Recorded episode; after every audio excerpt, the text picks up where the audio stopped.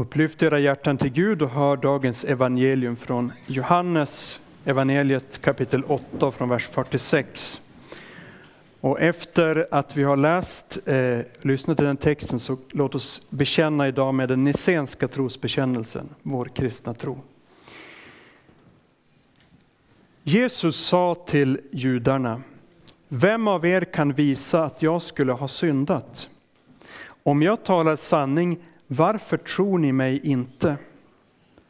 Den som är av Gud lyssnar till Guds ord, men ni lyssnar inte därför att ni inte är av Gud. Judarna svarade, visst har vi rätt när vi säger att du är en samarier och är besatt av en ond ande. Jesus svarade, jag är inte besatt, jag ärar min far och ni vanärar mig. Jag söker inte min egen ära, men det finns en som söker den och som dömer. Jag säger er sanningen, den som bevarar mitt ord ska aldrig någonsin se döden. Så lyder det heliga evangeliet. Lovad vare du Kristus. Nåd vare med er och frid från Gud vår far och från Herren Jesus Kristus. Låt oss be. Helga oss i sanningen. Ditt ord är sanningen. I Jesu namn. Amen. Gud är helig, skild från synd. Och när Gud skapade de första människorna så var de också skilda från synd. De var också moraliskt rena och heliga. Men Adam och Eva syndade och sedan dess finns synden i världen.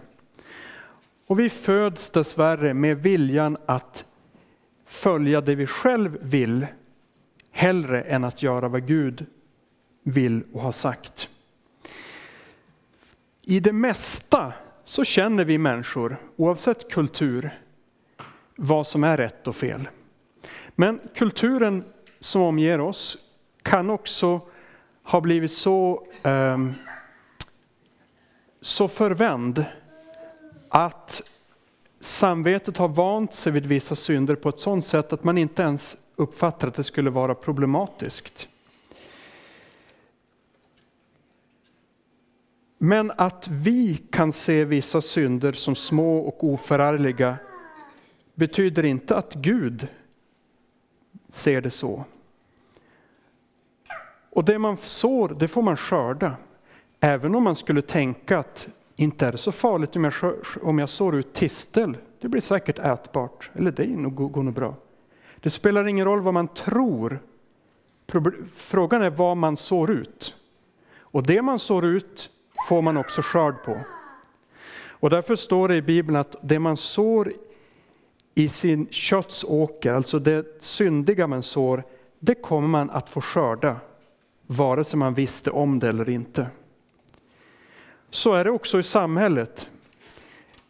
Om jag begår, gör någonting som, som inte är rätt, vissa saker är uppenbara, men det är kanske någonting med någon skatt eller någonting eller vad som helst. Och så blir jag tagen och ställd inför, inför domstol, så säger de så här, du har gjort så här. Så även om jag skulle säga helt ärligt att jaså, men vad tokigt, jag visste faktiskt inte om att man inte fick göra så så är det inte så att lagen då säger, ja så du visste inte om det. Nej men då, då är det ingen fara. Utan lagen säger att det ska du veta.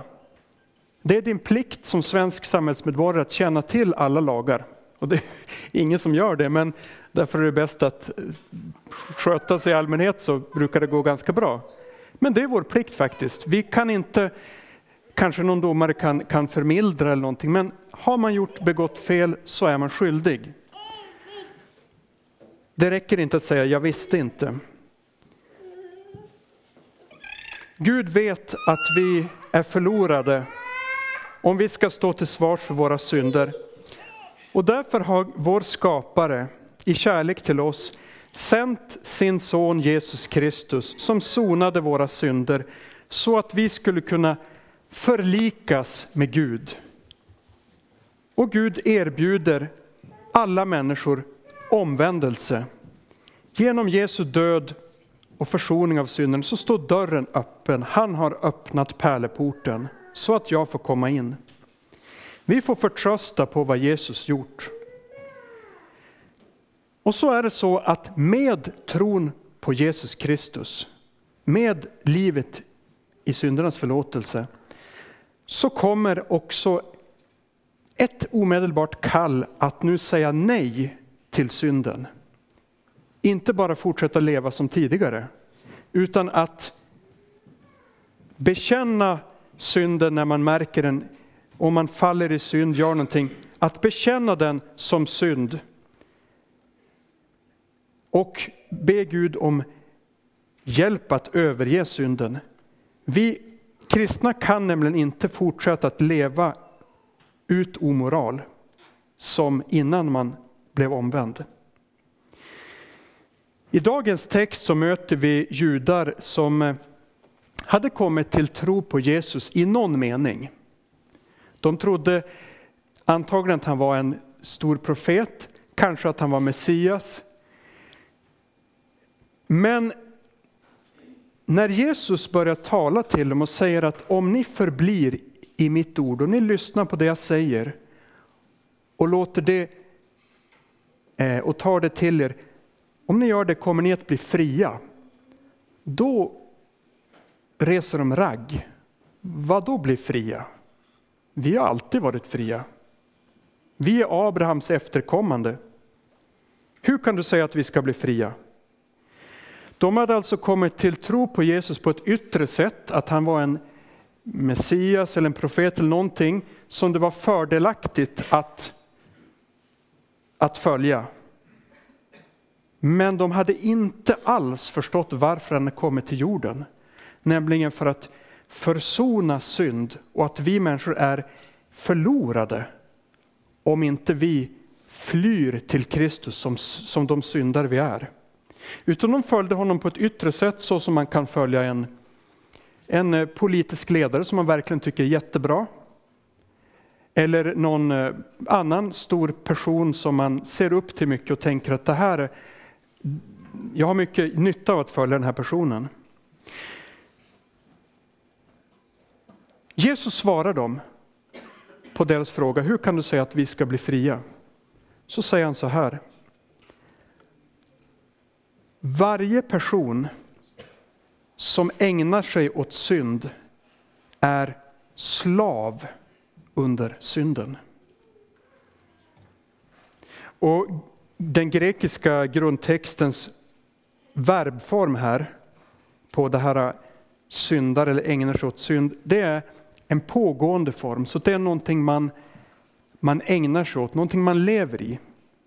Alltså inte någonting som man ber om förlåtelse för och ber Gud förbarma dig. Låt mig inte falla det här igen, utan tvärtom någonting som man, man håller på med. Man lever kvar i. Och då säger Jesus att den som lever i synd är slav under synden. Synden är alltså slav Herren och själv gör man bara vad synden säger. Man är inte fri.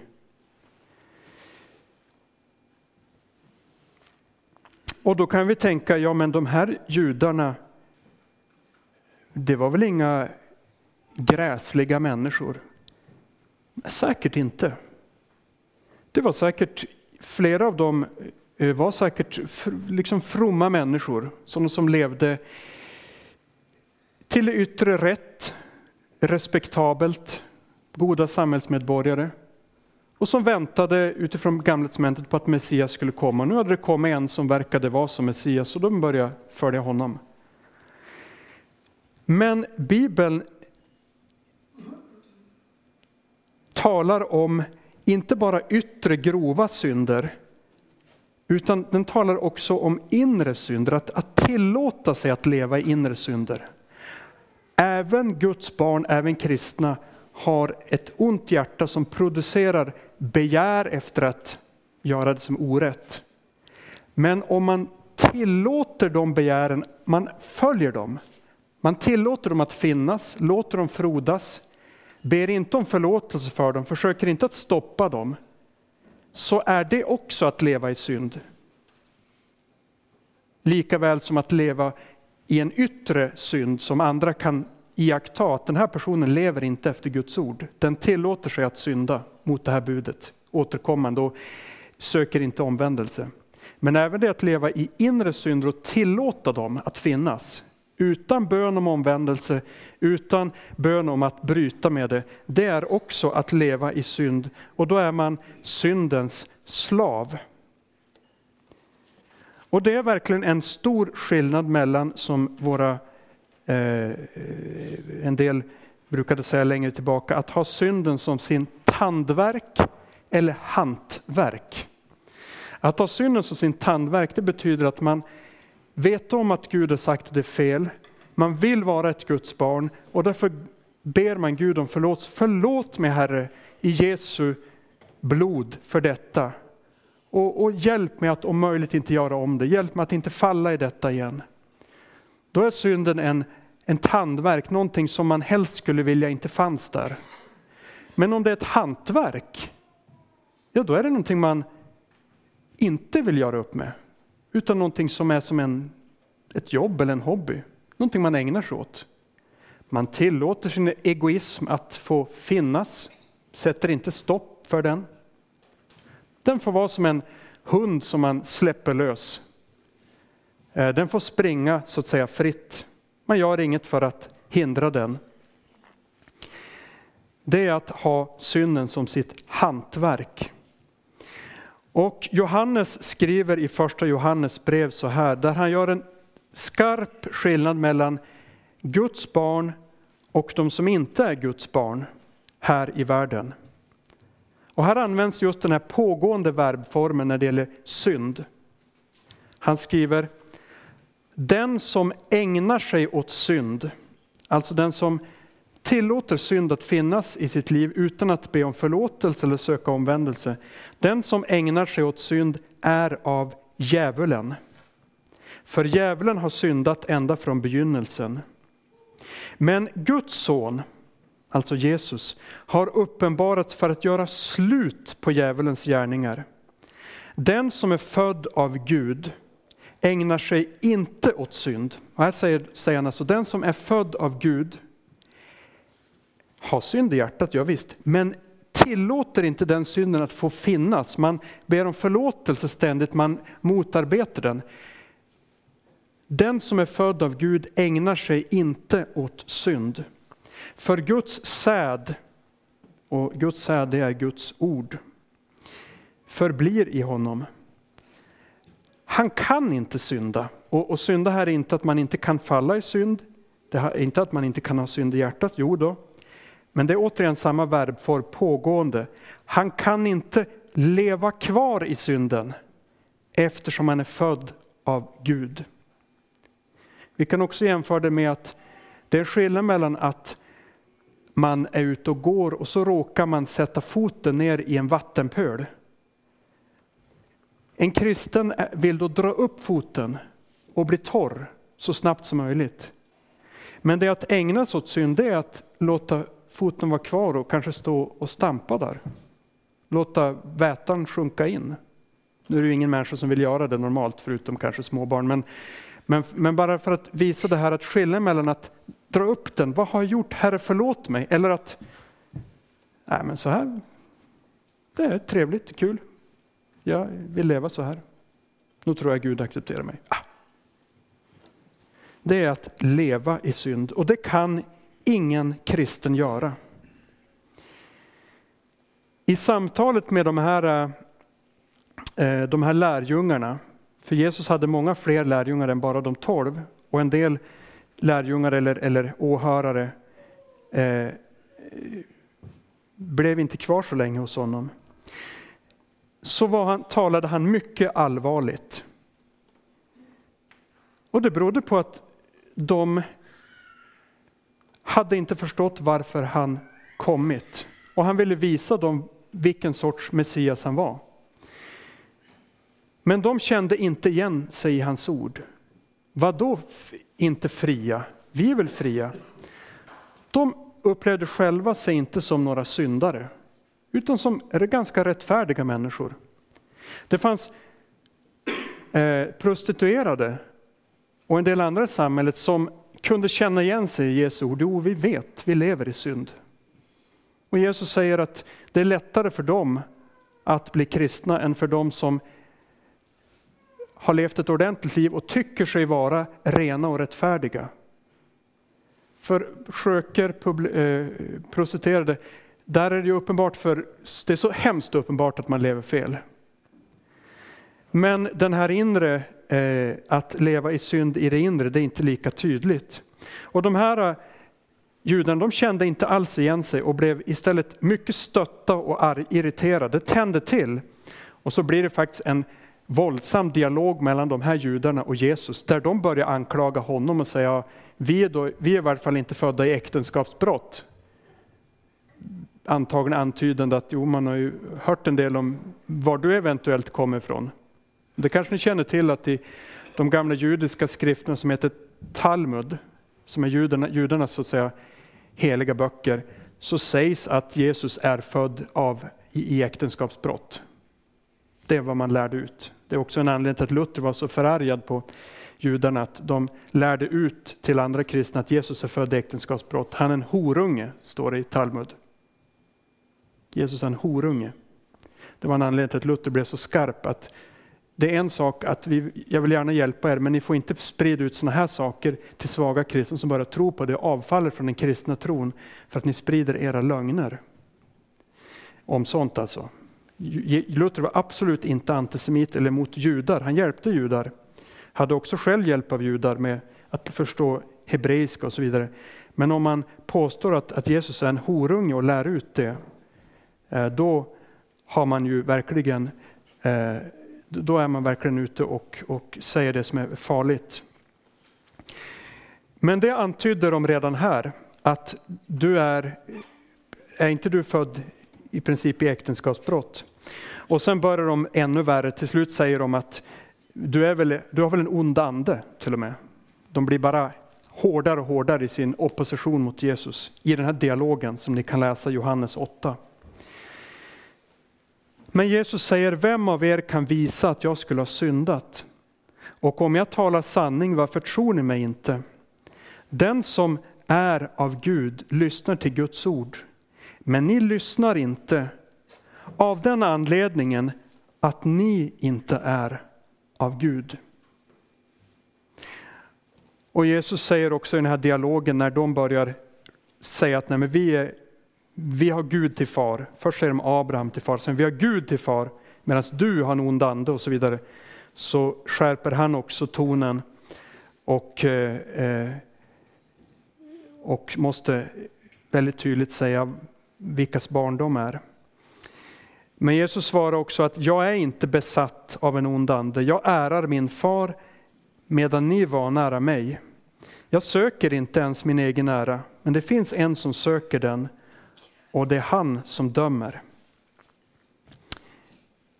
Ibland talas det i kristna sammanhang om fri vilja. Att människorna har förmåga att, eh, att, att eh, eh göra fri, fria val. Och det gäller förstås om man ska äta korv eller makaroner eller man ska ta ketchup eller senap. Så där har vi fri vilja. Men när det gäller det andliga så lär Bibeln att vårt stora problem det är just att vår vilja inte vill det Gud vill. Det är det som är det stora problemet. Visst har vi fri vilja i den meningen att vi får välja det som är rätt. Det är ju inte någon som hindrar oss. Problemet är att vi inte vill det rätta. Det står köttets sinne är fiendskap mot Gud. Köttet underordnar sig inte Guds lag och köttet är antor för den onda naturen. Det underordnar sig inte Guds lag och kan det inte ens. Och Jesus säger ju här att anledningen till att ni inte lyssnar är för att ni inte är av Gud. Men, och det slutar då faktiskt här med att de här troende, de tog upp stenar för att döda Jesus. Men Jesus drog sig undan. Även vi hedningar, vi är inte judar, vi är hedningar. Vi kallas att till omvändelse. Att förstå att vi är förlorade syndare, men att Jesus har försonat all vår synd. Och att vi som Guds förlåtna, älskade barn inte ska fortsätta att ägna oss åt synd, att leva kvar i den. Paulus skriver till exempel till de kristna i Galatien, eh, och där var det många hedna kristna, så skriver han så här. Vandra i anden så gör ni inte vad köttet begär. Köttet söker det som är emot anden och anden söker det som är emot köttet. Alltså, Guds ande vill en sak, vårt onda natur vill något annat. De två strider mot varandra så att ni inte kan göra det ni vill. Men om ni leds av anden så står ni inte under lagen. Köttets gärningar är uppenbara, sexuell omoral, orenhet, orgier, avgudadyrkan och kultism, fientlighet, gräl, avundsjuka, vredesutbrott, själviskhet, splittringar, irrläror, illvilja, fylleri, vilda fester och annat sådant. Jag säger er i förväg vad jag redan har sagt. De som lever så kommer inte att ärva Guds rike. Andens frukt däremot är kärlek, glädje, frid, tålamod, vänlighet, godhet, trohet, mildhet, självbehärskning. Sådant är lagen inte emot. De som tillhör Kristus Jesus har korsfäst sitt kött med dess lidelser och begär. Om vi har liv genom anden, låt oss då också följa anden. Galaterbrevet 5, 16-25. De gärningar som Paulus här räknar upp är vanliga i alla hedna kulturer, också i vår svenska nyhedniska kultur. Det talas här om sexuell omoral, orenhet och så vidare. Sånt har i svensk kultur numera kommit att betraktas som små synder eller i vissa fall inte ens som synder alls. Så var det inte för hundra år sedan. Då skämdes man faktiskt om man hade fått ett barn utanför äktenskapet.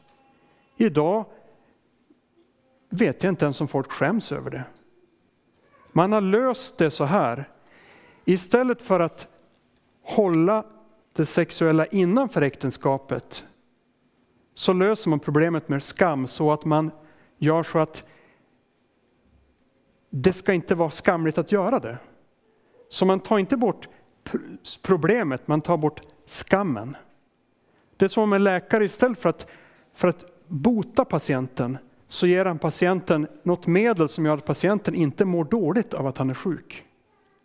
Och så har vårt samhälle löst moralen. Inte arbeta mot den, utan liksom legitimera eller nästan att man önskar att många ska göra det för att det ska bli normalt då. Normalt är den meningen att det är så många som gör det så att man uppfattar det som vanligt, det, det normerande, det vanliga. Många ser inte längre något fel efter att ett, med att efter ett krogbesök dela säng med någon. Och trivs man bra så flyttar man ihop. Men Guds ord säger att all sex utanför ett legitimt ingånget äktenskap är synd. Och den som lever så är under Guds förbannelse och inte på väg till himlen. Hur många böner man än ber. I Sverige är det också lagligt att titta på pornografi. På internet finns det massor. Det är till och med så att det poppar upp grejer utan att man ens vill det. Man googlar på någonting och så kommer det upp någonting groteska saker utan att man hade önskat det. Och studier har visat att en stor del av Sveriges män, en studie såg var 70 procent, men det är ju alltid svårt att veta med studier vad som är e- exakt. Men en stor del av Sveriges män porrsurfar regelbundet. Alltså minst en gång i veckan. En stor del, studien sa 70 procent av Sveriges män porrsurfar regelbundet.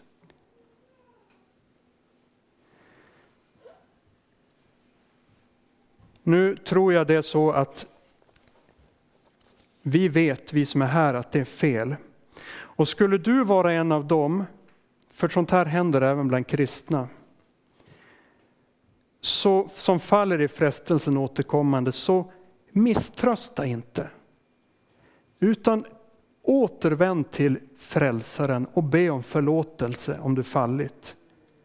Men märker du att det blir gång på gång på gång så kan det vara ett gott råd att försöka, trots att det känns pinsamt, att ändå prata med någon.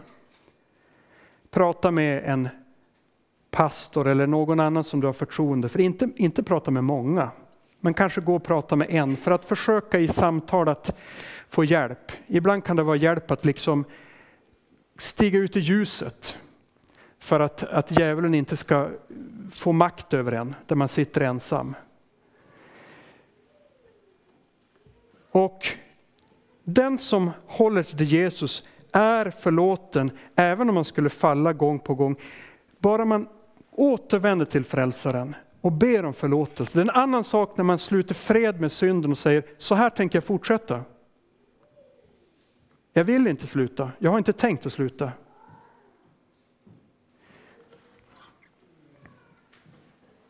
Och det är ju ofta så att sådana här saker också hänger samman med att det kanske inte är så bra i äktenskapet.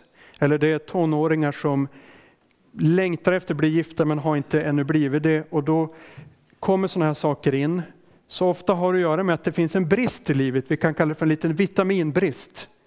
Men det gör då att man faller i frestelsen att utöva någonting på ett sätt som Guds ord inte säger är rätt. Och därför låt oss vända oss med vår synd till frälsaren och göra upp. Paulus nämner här också en lång rad synder som har att göra med hur man beter sig mot de andra i församlingen eller i familjen. Fientlighet, gräl, avundsjuka, vredesutbrott, själviskhet, alltså att arbeta för sin egen vinnings skull, inte för Guds rikes bästa, utan i, i mitt fall då till exempel att jag skulle vara här för att, att jag vill ha det som ett jobb, tjäna pengar på det eller bli, ja man blir knappast berömd här, men alltså överhuvudtaget att vi vill, att vi gör saker för vår egen vinnings skull snarare än för den nästans skull. Splittringar, att dela upp sig utan saklig grund, irrläror eller partianda som det också kan översättas. Och illvilja, alltså att vara avog, hetsk, avundsjuk som gör mig bitter och, och, och gör att jag är glad när det går dåligt för andra. Allt sånt där kan jag och säkert du lätt tänka att äh, men det är inte så farligt, sådana är man väl. Det, och dessutom är han eller hon så sur jämt så att det är inget konstigt om jag är sur tillbaka. Men Guds ord kallar oss ut ur sådana synder, att be om förlåtelse för dem. När din fru fräser till så har inte du rätt att fräsa tillbaka. Eller din make. Utan kallas inte att vara fientlig, att starta gräl, avundsjuk och så vidare, utan hela tiden tillbaka till förlåtelsen, till, till det rena och rätta.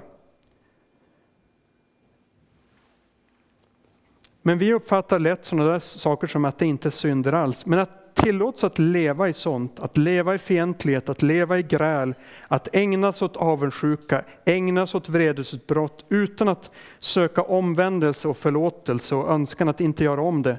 Det är att leva i synd. Och Paulus skriver här så hårt som det låter att man tänker, det kan väl inte vara sant, men han skriver, jag säger er i förväg vad jag redan har sagt, de som lever så kommer inte att ärva Guds rike. Det skrev han till en kristen församling, det var inte till ett torgmöte, till de kristna. Lever ni så, så kommer ni inte att ärva Guds rike när ni dör. Synd måste göras upp. Det är alltså inte möjligt att vara kristen och samtidigt tillåta sig att leva i synd. Och därför gäller till oss Guds ord genom profeten Jeremia. Ändra nu ert liv och era gärningar. Hör Herren er Guds röst. Samtalet mellan judarna och Jesus slutade med en brytning. Flera av dem följde honom inte längre. Och vi kan undra varför inte Jesus uttryckte sig mer diplomatiskt. För inte kan man säga att Jesus var någon bra, god diplomat här. När han drar fram de mest groteska saker och säger ni är djävulens barn. Det är ju inte diplomatiskt. Men vilket högmod hos oss om vi tror att han borde ha gjort annorlunda för att då lyckats vinna dem. Det viktiga för Gud är inte att samla många, utan att de som samlas kommer till omvändelse och blir hans barn. Och då kan han måste använda skarpa ord för att tränga igenom. Och Jesus förklarar också just för dessa judar hur de kan få evigt liv. Han säger Amen, amen, eller sannerligen, sannerligen säger jag er, om någon bevarar detta ord, mitt ord, så ska den absolut inte se döden i evighet. Så här har vi löftet.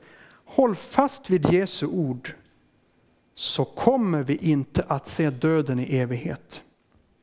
För Gud vill att du ska bli evigt frälst. Han vill att du och jag ska inse sanningen. Och det är just därför han kallar oss att predika omvändelse och syndernas förlåtelse genom Kristus. Och Guds ord är levande och verksamt.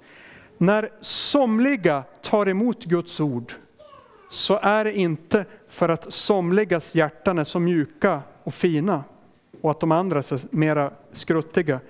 Utan det är för att Guds ord då i sin kraft omvänder. Det står, de är inte födda av blod eller av köttets vilja eller av någon människas vilja, utan de är födda av Gud. Guds ord skapar liv. Och därför ska vi komma och lyssna till Guds ord. Inte bara sen vi kommit till tro, utan hela livet. Så att det får fortsätta att döma vår synd, men visa på Jesus och förlåtelsen hos honom. Det är verkligen obehagligt att höra hårda ord från Jesus. Men hans mål är att föra oss från inbillad fromhet och renhet till ett liv i ljuset. Ett liv i syndernas förlåtelse, ett liv där vi har öppen sak med Gud, håller oss till frälsaren i allt. För vi ska ju en dag, och vem vet om den dagen för din del kanske inte är så många år bort, möta vår skapare och domare efter döden. Och det är därför han är så angelägen om att här i tiden kalla oss till frälsaren för att be om förlåtelse för våra synder och hålla oss till frälsaren och säga nej till synden i vårt liv. Ta, gå Jesusvägen istället för att gå den breda vägen. Han vet redan allt om vårt liv som vi läste i episteltexten. Guds ord är levande och verksamt. Det är skarpare än något tvegat svärd och tränger igenom tills det skiljer själ och ande, led och märg. Och detta ord dömer över hjärtats uppsåt och tankar. Inget skapat är dolt för honom, utan allt ligger naket och blottat för hans ögon. Och inför honom måste vi stå till svars.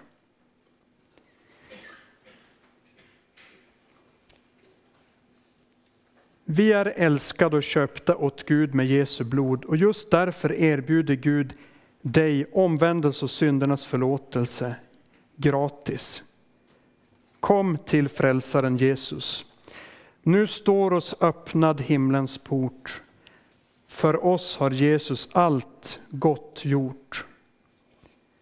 Ja, när nu Gud genom sin sons offerdöd har försonat dig med sig och hans blod har utplånat alla ditt livs synder. Så kom till Herren, låt dig bli försonad med Gud. Och är det någon här eller på internet som lyssnar som inte har blivit döpt i Jesu namn, så låt dig döpas till syndernas förlåtelse. Om det är någon av er som blivit döpt men som kommit bort från Herren, så återvänd till Herren Jesus nu.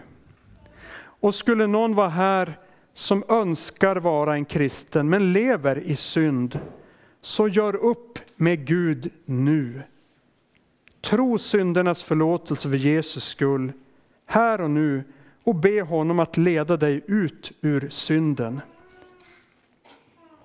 Guds ord lär oss att vi har syndernas förlåtelse i Kristus och evangelium kan vara svagt för oss, men det är inte svagt för Gud.